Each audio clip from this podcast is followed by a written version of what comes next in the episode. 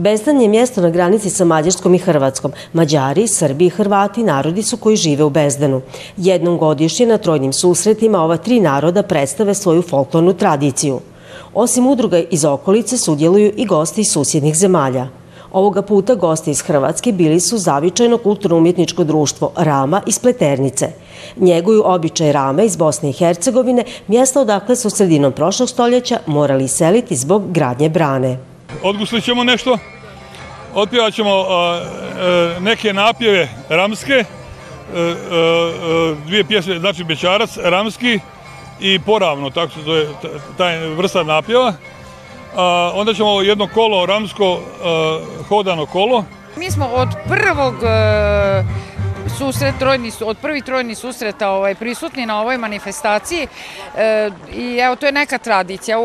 U, svakom slučaju neko dođe iz Nazora, da li folklor, da li pevačka, mali folklor, ali evo, ostali smo vjerni tradiciji, ove godine pevački zbor, pevačka grupa Vladimira Nazora.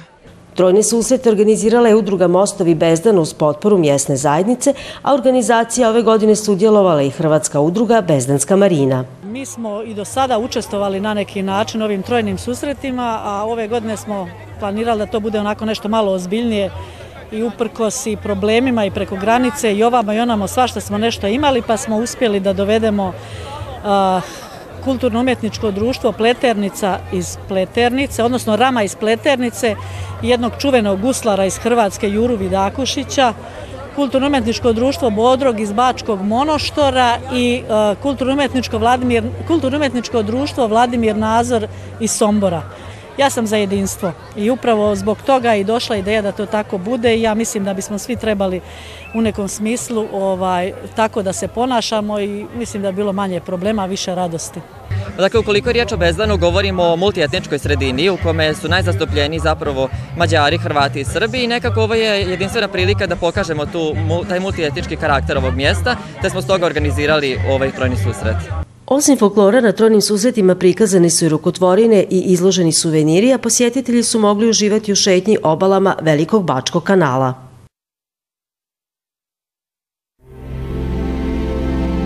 Gledate paletu Izbor iz emisija na jezicima nacionalnih zajednica.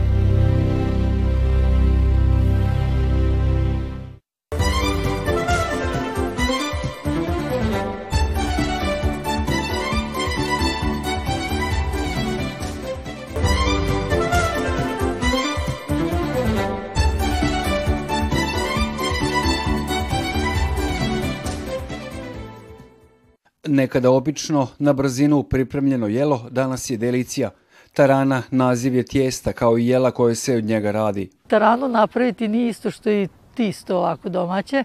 Znači taranu treba kad se napravi, mora se, ovaj, kad se ona napravi, mora se sušiti bar dva, tri dana da bi ona bila suva i da može da ostane najmanje godinu dana. Nekad, nekad nije ni bilo drugog nego se moralo napraviti pa si godinu dana ima šta da ukuvavaš i da kuvaš. Rekla nam je Marija Kujundžić tijekom održavanja nedavne radionice za pripremu toga tradicijskog jela bunjevačkih Hrvata na sjeveru Bačke.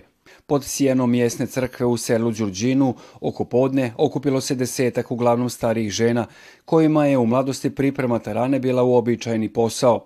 Radile su je žene poslije žetve, otkriva nam Slavica Prčić.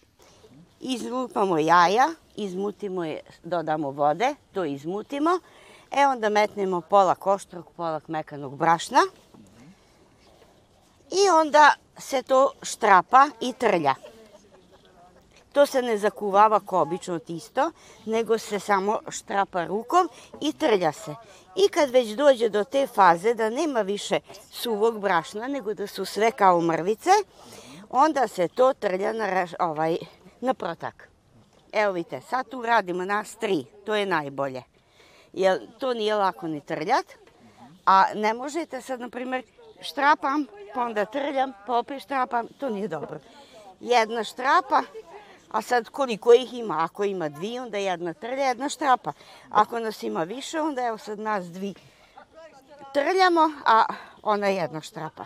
Posljednju fazu pripreme tarane pokazala nam je Etuška Gabrić. Ovo je zakuvano da se tarana, da se tarana pravi. Ovo je protak i tu sad taremo da prođe u zrnca, da bude zrno tarane. Onda se uzme rašeto, jel te znaš Krista? I onda se prosije i to je onda ono što bude, što iđe nastal tarana. evo rašeto i to se sad prosije i ovo što je ostalo, to je tarana koja se kuva i suši. Ovako pripremljena tarana kuha se na natjecanju risara, odnosno kosaca u ručnom košenju žita, kao dio prikaza nekadašnjeg života i prehrambenih običaja starih bunjevaca u Bačkoj.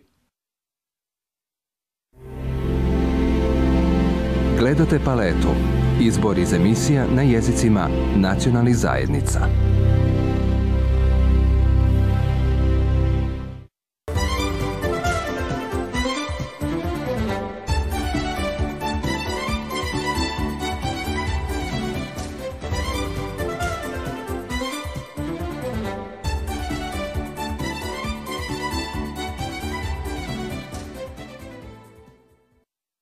Dio manifestacije Dani Antuna Gustava Matoša ove godine održani su i u Beogradu, u kojem je ovaj pisac proveo dio svog života. Matoš se svrstava u red najboljih hrvatskih književnika i važi za prvog modernog hrvatskog muzičkog, likovnog, književnog i plesnog kritičara. Anton Gustav Matoš, prvi čovjek hrvatske moderne, književne moderne, važna je osobnost u kulturnom i književnom životu Hrvata. Mi s ponosom ističemo da je njegovo podrijetlo po ocu vezan uz prostor Bačke. Njegov otac Augustin rođen je u Plavnoj, njegov dida Grgo rođen je u Kačmaru, danas Republici Mađarskoj. S ponosom je isticao da je Bunjevac podrijetlom.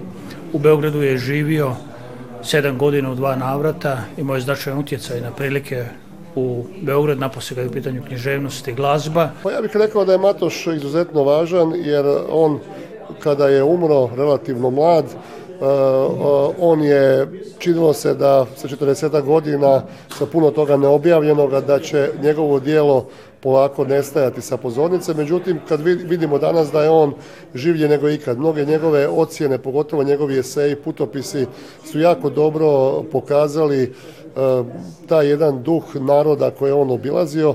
Ovdje konkretno, budući da smo u Beogradu, možemo reći da je, to, e, da je on vrlo dobro portretirao odnos između Hrvata i Srba, gdje je bio vrlo kritičan i prema Hrvatima i prema Srbima, ali opet s druge strane pronalazio je pozitivne vrijednosti i vidjelo se da ta kritika ima želju da za poboljšanjem određenog stanja kako u Hrvatskoj, tako i u Srbiji. Njegova dijela e, su stilski zaista izuzetna. E, on je bio odličan poznavatelj e, književnosti ne samo hrvatske i srpske, nego i strane, poglavito francuske.